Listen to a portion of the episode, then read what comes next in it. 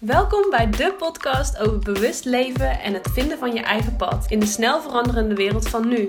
Wij zijn Jindy en Lavinia en dit is Slow the F Down. Lieve luisteraars, welkom bij weer een nieuwe aflevering van Slow the F Down. Vandaag hebben we weer een superleuke gast, namelijk Sophie Carleen van Rise with Kindness. Voorheen blogde ze onder de naam Naoki en deelde veel informatie over dierproefvrije cosmetica. Sinds deze zomer is ze een nieuw platform begonnen dat in het teken staat van persoonlijke groei, zelfliefde en spiritualiteit. En dat vinden wij natuurlijk heel erg interessant. Daarom zijn we heel blij dat ze te gast wil zijn in onze podcast. Welkom Sophie. Ja, dankjewel voor het uitnodigen. Um, onze eerste vraag aan onze gast is altijd: wat betekent slow the F down voor jou? Um, voor mij betekent dat bewuster leven en voor jezelf kiezen. En doen wat goed voelt voor jou. En je minder en weinig aantrekken van wat anderen doen en vinden. Ja, precies. En is dat iets wat jij hebt moeten leren? Of? Oh ja, ja, absoluut. Uh, ik was vroeger iemand die zich altijd aanpaste aan anderen. Ik wilde heel graag leuk en aardig gevonden worden. Mhm. En dus ik zag dat ook in mijn relaties. Dan had ik een relatie met een jongen en dan paste ik me volledig aan hem aan. Weet je, aan zijn interesses. En dan verloor ik mezelf altijd een beetje. En dat merkte ik ook op werk en bij bepaalde vrienden. En op een gegeven moment merk je gewoon dat dat natuurlijk niet werkt. En ehm, dat je jezelf wilt vinden. Je wilt gewoon zelf achterkomen wie je eigenlijk bent. Maar dat is iets wat je moet leren, ja.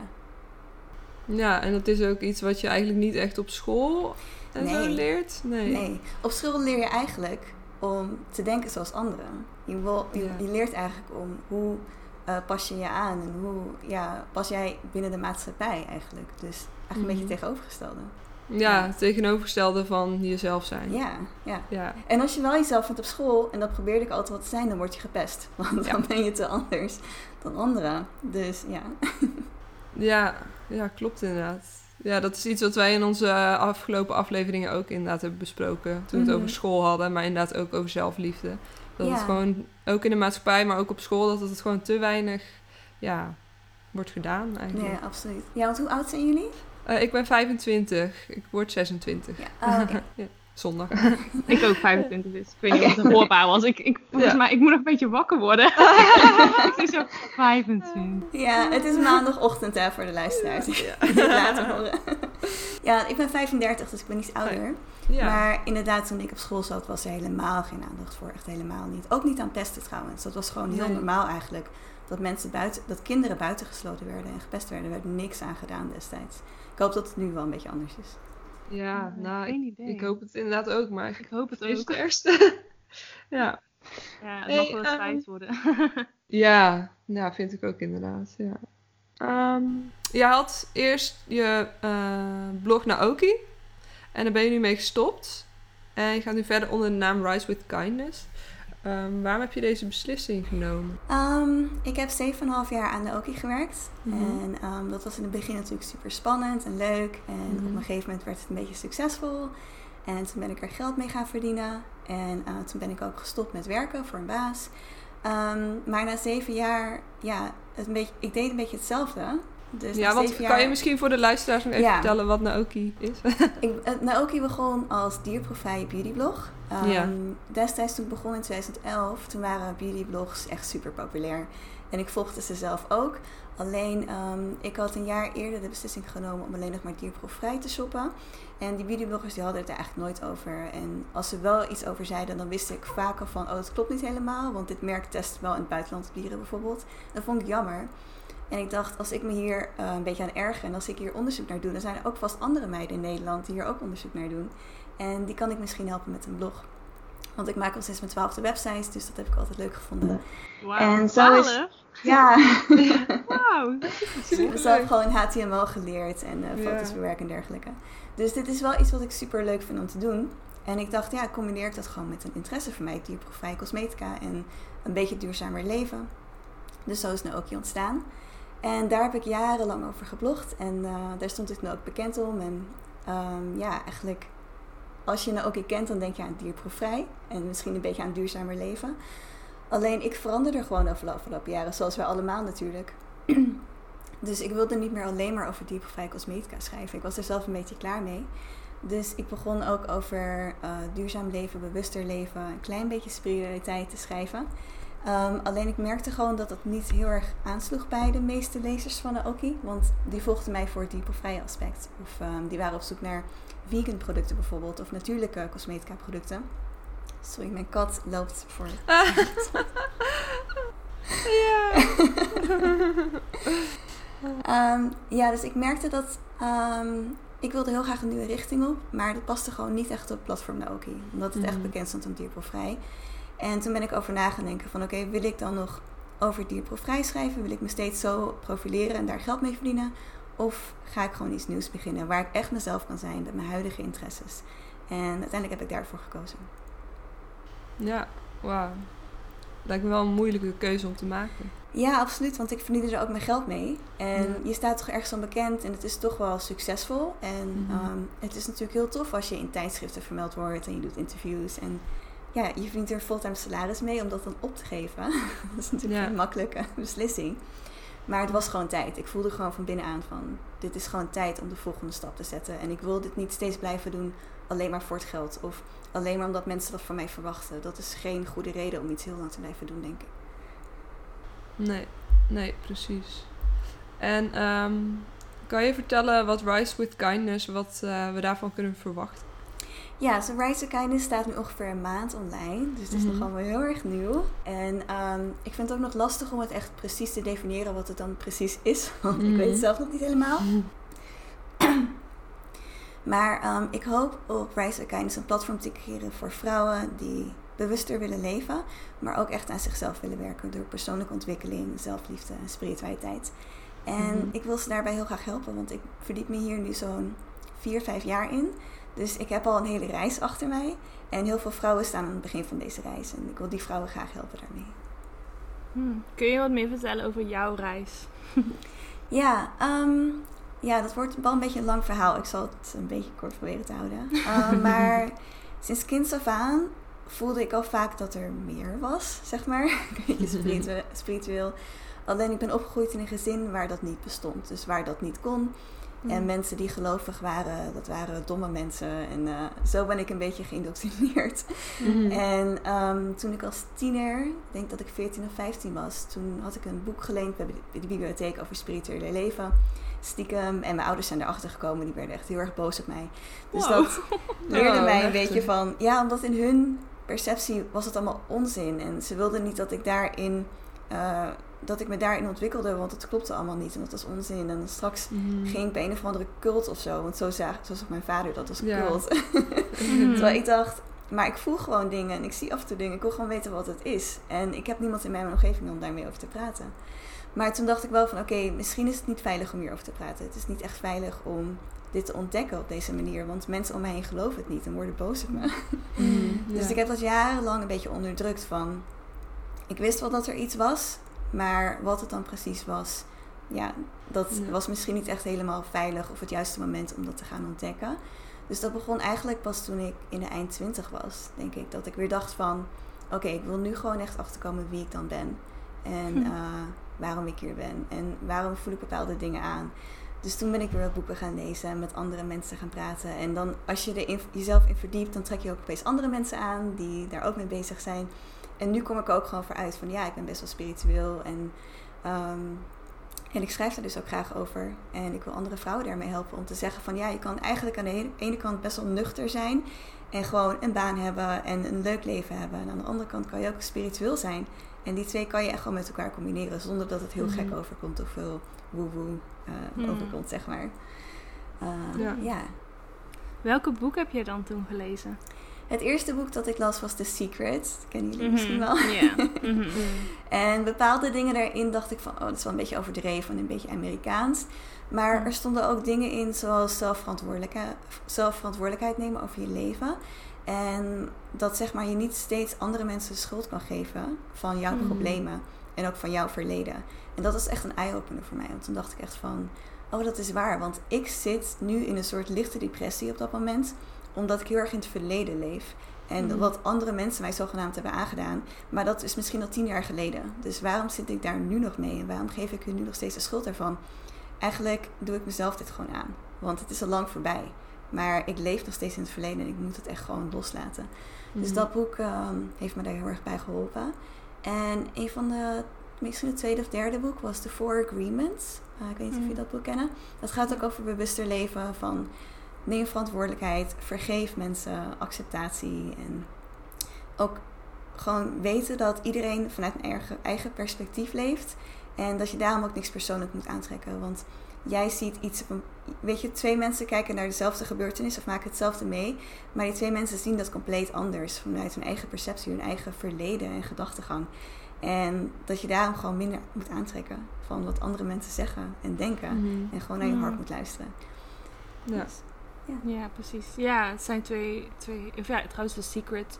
Ik, mhm. weet, ik weet wat The Secret is. Ik heb het boek zelf nooit gelezen. Maar volgens mij heb je de docu gezien. Ja, dat is een docu op Netflix, inderdaad. Ja. ja. Maar dat is inderdaad wel een beetje de meest versimpelde versie van alles. Ja.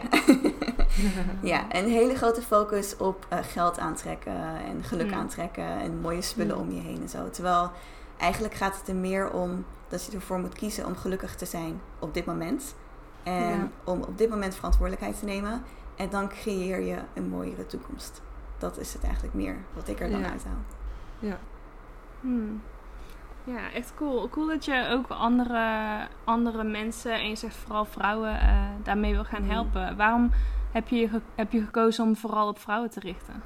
Um, ik denk omdat het voor mij wat makkelijker is. Omdat ik dan echt vanuit eigen ervaring kan praten. Hoe ik als jong meisje dingen uh, ervaarde. Maar ook nu als vrouw.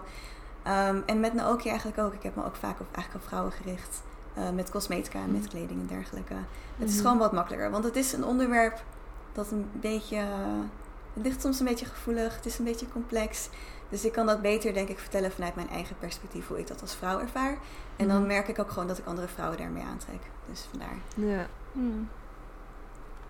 Ja, cool. En je hebt ook de keuze gemaakt om het in het Engels te doen, terwijl je voorheen in het Nederlands uh, blogde. Ja. En waarom is dat dan? Ja. Waarom heb je die keuze gemaakt? Ja, ik denk, um, nou, voornamelijk op Naoki merkte ik toch dat mensen er een beetje lacherig over deden. Want ik begon een beetje over mm. spiritualiteit te schrijven. Ehm, maar veel mensen begrepen het niet helemaal. Of, ehm, en ik heb echt meerdere keren gehoord van... ik vind je nu echt veel te zweverig geworden.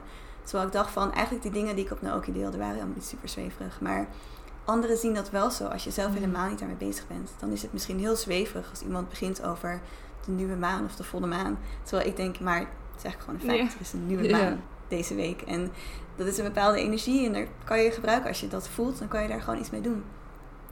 Maar ik merkte dat toch veel mensen ja, dat toch niet helemaal begrepen en een beetje raar vonden. En ik denk ook vanuit mijn omgeving weet ik gewoon dat Nederlanders best wel nuchter zijn. En uh, graag mm. bewijs willen zien voor dingen. En ehm, ik denk, ik heb ook in Amerika gewoond een jaartje. En ik merkte dat mensen daar heel anders zijn. Dus dat die veel opener zijn voor mm. spirituele leven. En ehm, ik dacht, ik volg zelf ook al veel vrouwen uit Amerika, Engeland, eigenlijk vanuit de hele wereld die hiermee bezig zijn. En ik zie gewoon hoe groot hun platformen af en toe zijn. Dat ze mensen van de mm. hele wereld aantrekken. Met je een beetje dezelfde visie. Dus ik dacht, misschien moet ik het in het Engels doen. Want dan kan ik eventueel mm. meer mensen aantrekken. En niet alleen richten op de Nederlandse markt, die toch misschien een beetje te nuchter hiervoor is.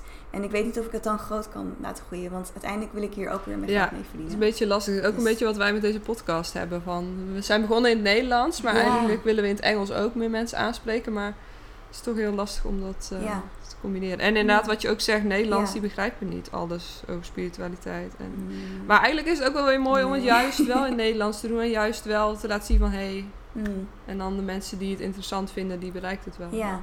Ja. Ja. Ja, wel, ik heb ook mm risewithkindness.nl en daar heb ik afgelopen week zo'n 100 artikelen van de Oki opgezet mhm. over spiritualiteit en zelfliefde en persoonlijke ontwikkeling.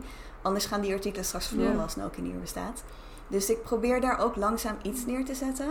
En, um, want ik hoop ook uiteindelijk bijvoorbeeld met tapping. Ik weet niet of jullie bekend zijn met... Uh, ja, daar willen we het zo meteen nog wel over hebben. Ja.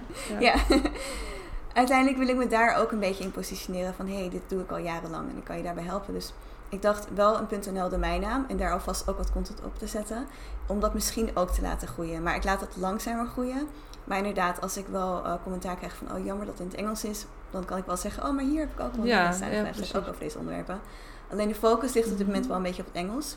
Maar het ligt ook een beetje aan wat voor um, bezoekers ik aantrek en wat voor klanten ik aantrek. Als dat toch veel in Nederland is, misschien dat ik me dan later toch ook weer meer op de ja, precies. focus.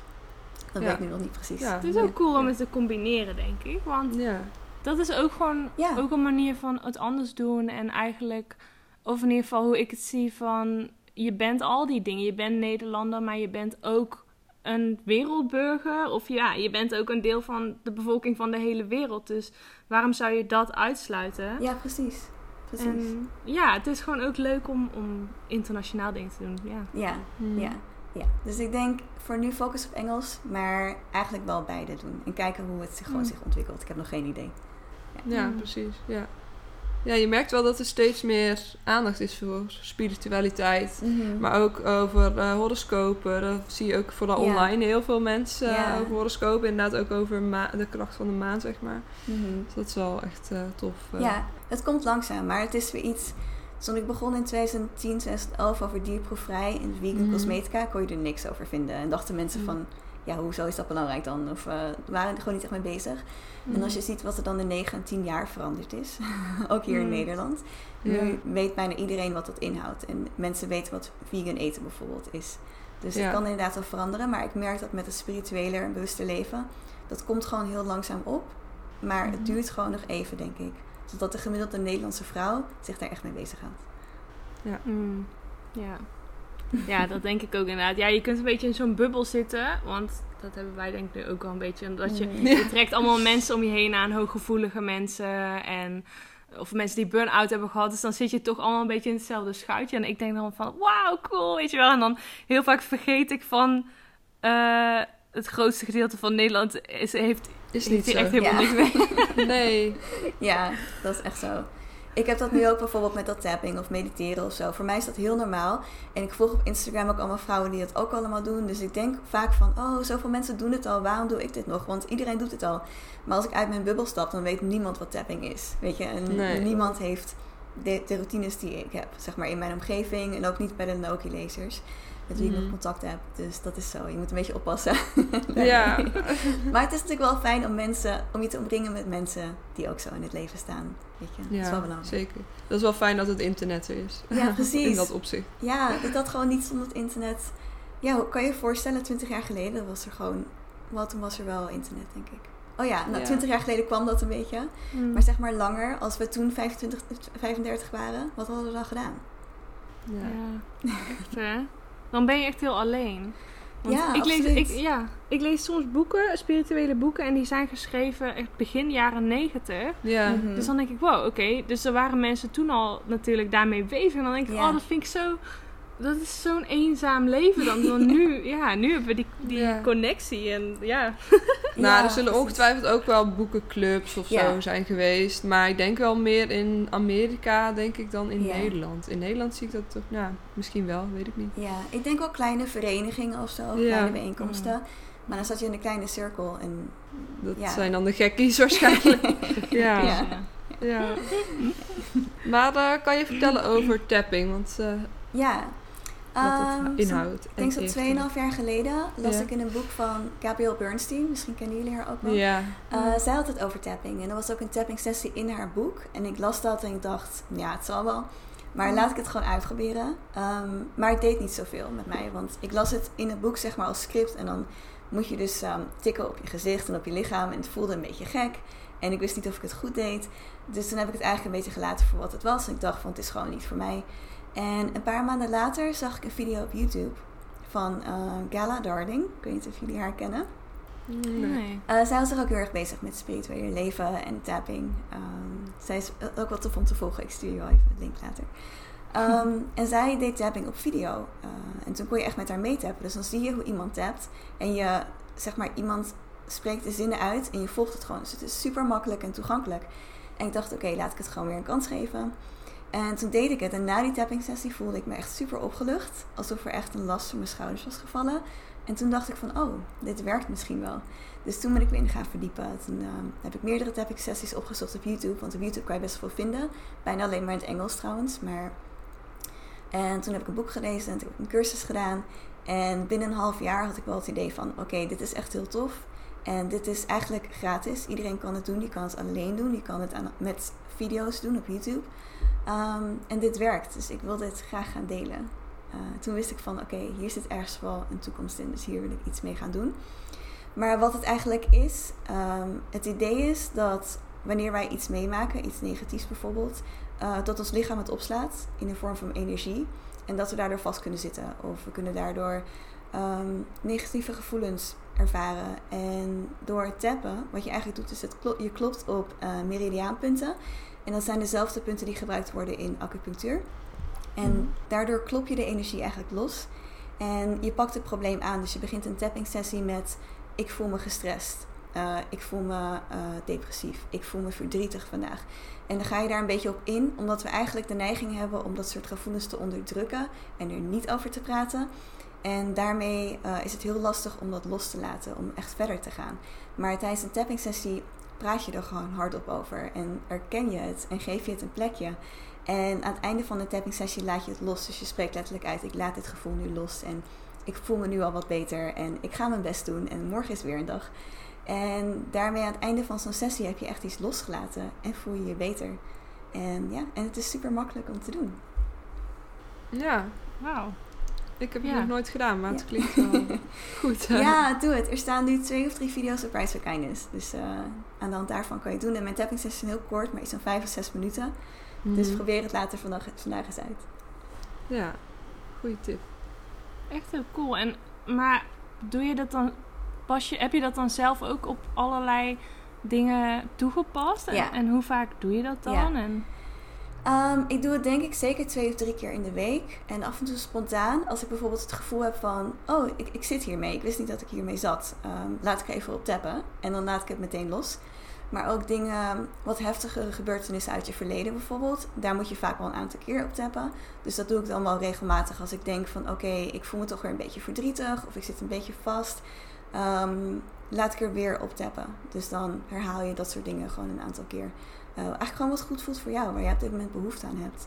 Um, Maar het is een hele mooie manier om dingen los te laten en dan niet ergens in vast te blijven zitten. Want het is heel makkelijk als je negatieve gedachte hebt, om daar dan verder in gaan en door te gaan en door te gaan. En op een gegeven moment voel je je zo slecht over jezelf.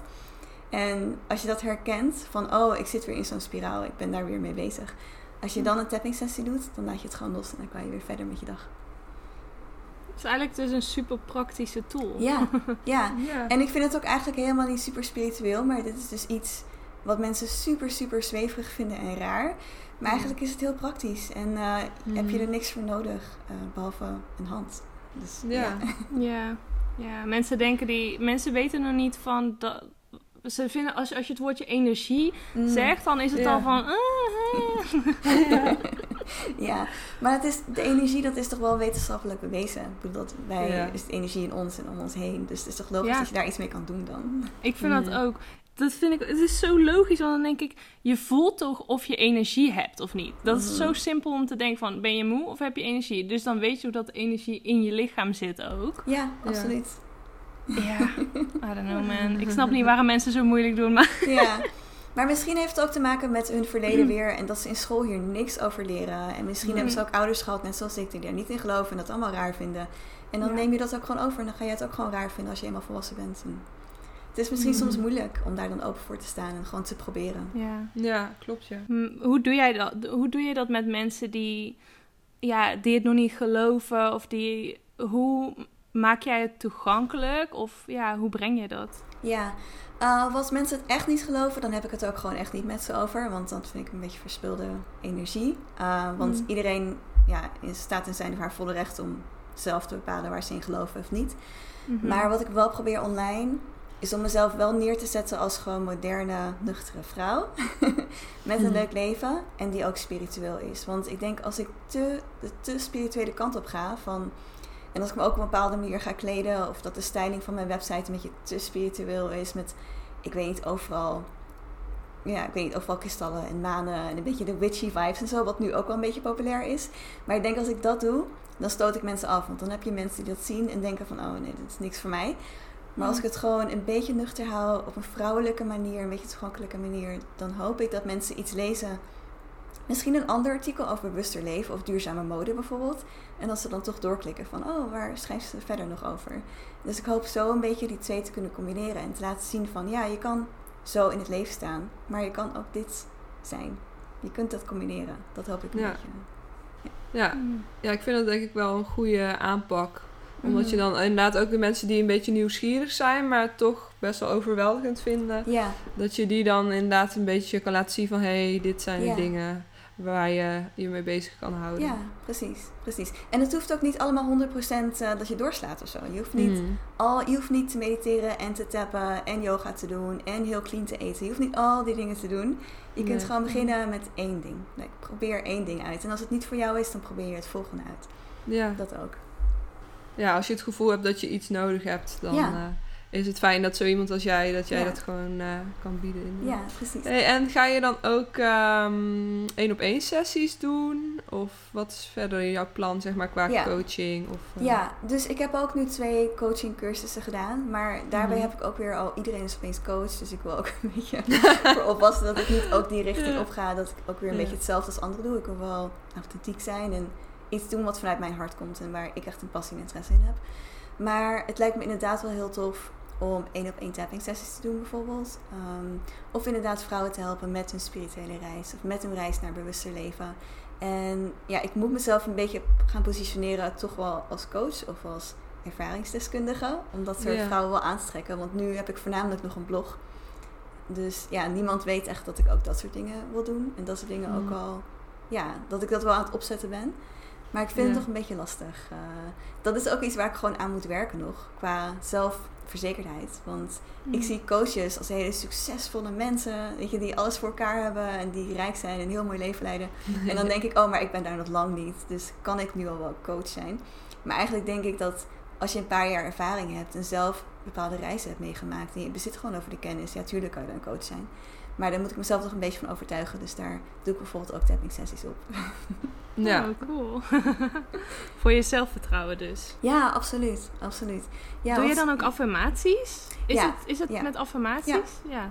ja. je eindigt zo'n tapping sessie heel vaak met... Uh, oh, bijvoorbeeld, ehm, ja, ik ben zelfverzekerd. Van, ja, ik voel mezelf verzekerder. Van, ik kan dit. En uh, inderdaad, ik doe dat bijvoorbeeld ook met uh, in het Engels noem je dat mirror work. Dus dat je jezelf in die spiegel aankijkt en affirmaties zegt. Daar doe ik dus ook sinds kort aan. En dat is echt uh, zo krachtig om te doen. Yeah. Ja. ja. dus ik merk daar wel langzaam een verschil in, langzaam een verandering. Want een paar maanden geleden had ik nooit, had ik nooit het woord coach durven noemen. Want ik dacht, ja, zo zie ik mezelf echt niet. Dus ik merk dat het mm. nu gewoon langzaam komt van, ja, ik ben eigenlijk wel die coach al. Ja. Mm Cool. En naast dat tapping heb je nog meer uh, ja, wat jouw spiritual practice is, zeg maar, dagelijkse rituelen die je doet? Ja, um, in de ochtend mediteer ik altijd. Uh, dat is eigenlijk het eerste wat ik doe. Nee, wacht. Eerst geef ik de katten eten, want die maken me altijd wakker. en wanneer zij hebben gegeten, dan um, mediteer ik. En uh, dan neem ik eigenlijk vaak een beetje de tijd voor mezelf, als dat kan, als ik niet naar werk moet. Um, om gewoon even rustig te starten. Misschien doe ik aan journaling. Uh, dus ik schrijf heel vaak mijn gedachten op. En uh, dingen waar ik tegenaan loop. Dingen die ik misschien wil aantrekken. Uh, die ik wil meemaken. Het is een beetje love attraction-achtig journaling.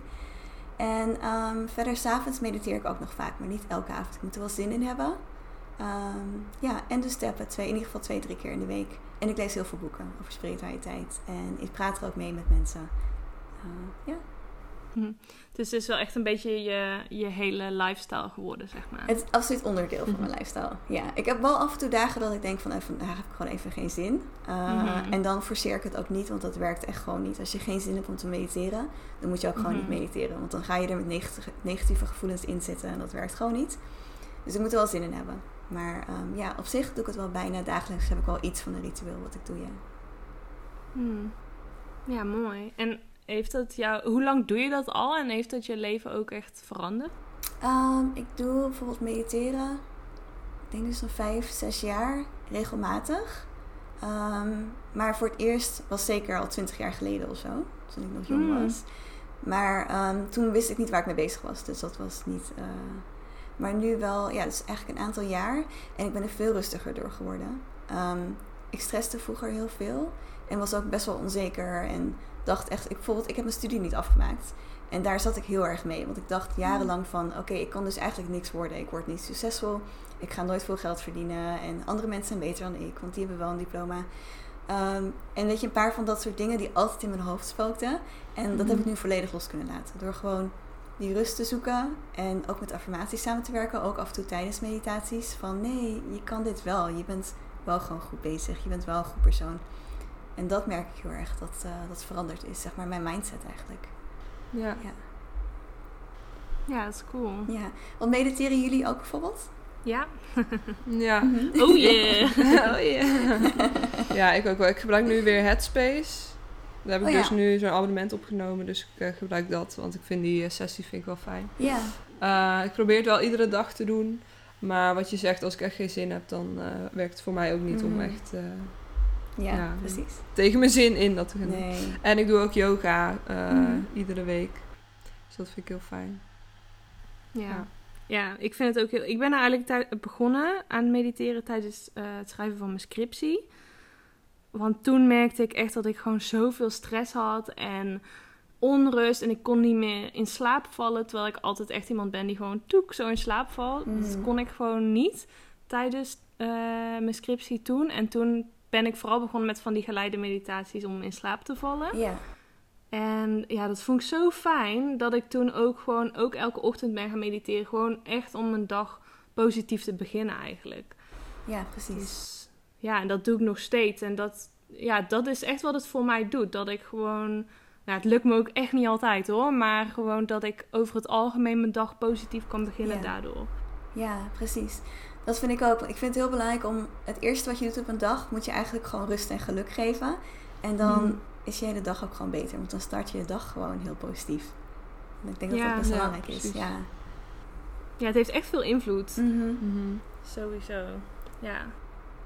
Even kijken. Wat hebben wij nog voor vragen?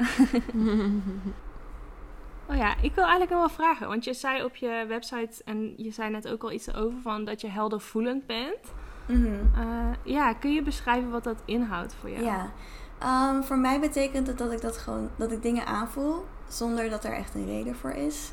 Um, dus als ik in de buurt van iemand ben, dan weet ik soms gewoon dat er iets gebeurd is. Um, ja, het is een beetje lastig omschrijven, want het komt ook heel spontaan, zeg maar. Het is niet dat ik altijd aansta en mhm. allemaal dingen voel of zie, dat helemaal totaal niet. Maar ik weet dingen gewoon. Bijvoorbeeld als ik iets lees uit een tekst of zo, dan weet ik gewoon van, oh, dit is de waarheid. Uh, mm. Of als ik naar iemand kijk of een gesprek beluister, dan weet ik soms gewoon, oh, deze persoon liegt. Dat, klopt, dat klopt gewoon niet. En dan weet ik niet waarom ik dat weet, maar ik weet het gewoon. En achteraf, dan blijkt dat gewoon vaak te kloppen. Weet je, als je dan meer informatie krijgt, dan, oh ja, zie, mm ja, dat wist ik gewoon van, dit klopt er gewoon niet. Ja, en dat heb ik eigenlijk bijna mijn hele leven al. Dat ik gewoon dingen wist al als kind. En dat was ook zo lastig, omdat ik er niemand, mee, niemand had mee over te praten. En dat ik dacht van, oké, dit is een beetje raar dan, dat ik dit soort dingen aanvoel. En het is ook uh, raar, het is gewoon raar of zo. Dus eigenlijk pas sinds de afgelopen tien jaar dat ik het gewoon accepteer van, ja, dit is gewoon wie ik ben. En ik kan dat ook uh, op goede manier gebruiken natuurlijk. Je kunt ook dingen voor jezelf uithalen. Bijvoorbeeld je intuïtie wordt gewoon steeds sterker. Uh, waardoor je bepaalde mensen gewoon niet dichtbij laat bijvoorbeeld. Omdat je gewoon aanvoelt dat moet je gewoon niet doen. Het eindigt niet goed. En andere mensen juist wel. Dat ik me heel snel openstel voor iemand. Omdat ik gewoon voel van oh je hebt echt een goede energie. En jou wil ik in mijn leven. Dus ja. Hmm, mooi. Ja, ja, En, en weet je wat ik soms wel lastig vind, mhm. is om altijd te vertrouwen op die intuïtie. Mhm. En dus niet aan jezelf te twijfelen als je een gevoel ergens over hebt van. Want je ego wil dan heel graag weer gaan zeggen van... Die gaat weer allemaal redeneren en dingen bedenken van nee, of juist wel, of juist niet. En ja, herkenbaar. Hoe doe je dat? Hoe vertrouw jij daar echt op? Ja, wel, ik heb inmiddels wel geleerd dat ik er 9 van 10 keer gewoon blindelings op kan vertrouwen. En als ik twijfels heb, of inderdaad mijn ego begint met allemaal redenen te bedenken waarom het niet kan of zo, dan um, wat ik meestal doe is uh, mijn handen op mijn hart, zeg maar, en dan drie keer diep inademen en je hart laten groeien, een beetje energetisch. Uh, energetisch? Energetisch. Ja, energetisch. Een beetje energetisch laten groeien. En ik visualiseer mhm. dan een beetje een soort wit licht van, van boven komt. En dan, ben je, dan ga je echt even, je zoekt je innerlijker zelf op. En dan is je ego even weg. En dan luister je naar je gevoel van, oké, klopt dit? Ja, nee, het klopt, het klopt. Of, nee, het klopt toch niet. Maar meestal klopt het dan alsnog wel. Dus gewoon even in mhm. jezelf. En dat kan heel simpel zijn door een paar keer adem te halen en even op je hart te focussen bijvoorbeeld. En heeft je te omringen met wit licht van boven, zeg maar. Ja. Dit klinkt wel een beetje zweverig, ben ik van bewust. Maar um, ja, dat, okay. dat was de manier voor mij van, om even tot mezelf te komen en te bepalen van klopt dit of klopt het niet. Ja, het klopt wel. Ja. Ja, dat is echt mooi. Om daarop te kunnen vertrouwen, denk ik. Ja, maar dat, dat komt ook gewoon met de tijd. Als je gewoon, je moet gewoon meer ervaringen. Je, weet je, je moet het leven gewoon ervaren. En je moet jezelf mhm. beter leren kennen. En ik ben ook al wat ouder dan jullie, dus voor mij is het ook wat makkelijker, denk ik. Omdat je voelt jezelf gewoon beter aan, je ontwikkelt intuïtie. Dus, maar dat komt vanzelf al. Ja, mhm. precies. Ja, wij zijn er nu inderdaad een aantal jaar mee bezig. Mhm. Allebei, denk ik. Ja. Maar daarvoor, ja, wat we net ook zeiden over dat je op school gewoon totaal niet bezig mhm. bent met wie je zelf bent en jezelf ontwikkelen. Ja, ja, absoluut. En naar je, inderdaad naar je intuïtie luisteren. Mm Dat is nog steeds wel lastig hoor. Dat ik denk van, oh, is dit wel een verstandige keuze? Ja. ja.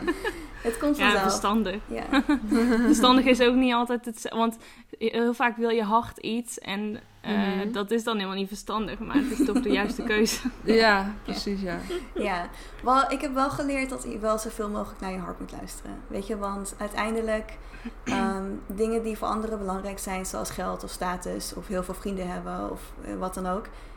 uiteindelijk is dat niet echt belangrijk. Dus als je iets kan doen wat jou echt gelukkig maakt ook al uh, brengt het niet heel veel geld op of zo, levert het niet veel geld op of vinden anderen het raar, moet je daar eens mhm. nog voor gaan. Want uiteindelijk maakt dat je gelukkig. Ja. Ja. Mm. ja, dat is zo verwarrend hè, in onze maatschappij, omdat het zo gericht is op. Het is gewoon zo gericht op van je moet geld verdienen. Mhm. En als je een huis en een baan en een vriend of een vriendin, whatever, relatie hebt, dan heb je alles en dan heb je succes. En terwijl ik heb bijvoorbeeld zelf dat mijn vrijheid en mijn dagen zelf in mogen delen, dat maakt mij het meest gelukkig. Mm Maar dat voelt zo um, bijna fout om dat te willen, zeg maar. Ja, ja. ja. ja wel herkenbaar. Want uh, ik ben wel een beetje introvert bijvoorbeeld. Dus ik hou heel erg van mm. alleen zijn. En ik heb dat ook mm. echt nodig. Um, Maar toen ik nog studeerde, zeg maar, vond ik dat echt, uh, wil ik dat het liefst verbergen. Want ik merkte gewoon, iedereen wil feesten en iedereen wil gezellig doen. En je zit toch de hele tijd bij elkaar en waarom wil je je afzonderen? Dus ik heb dat heel lang onderdrukt van, oh, dat is geen goede eigenschap om te hebben.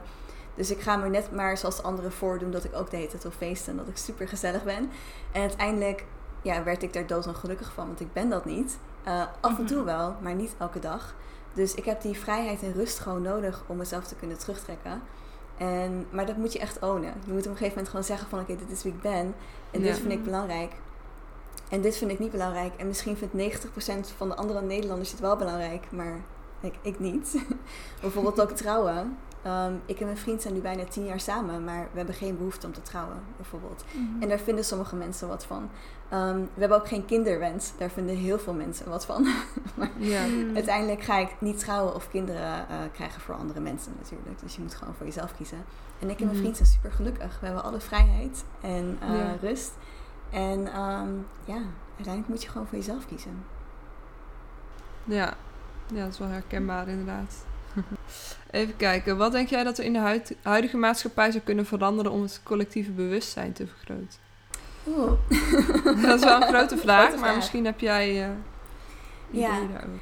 Um, nou ja, ik ben altijd groot voorstander van zet gewoon een eerste stap en baseer dat op iets wat aansluit op jouw waarden. Zeg maar, ik weet bijvoorbeeld dat nu heel veel veganisten roepen: um, de hele wereld moet vegan worden.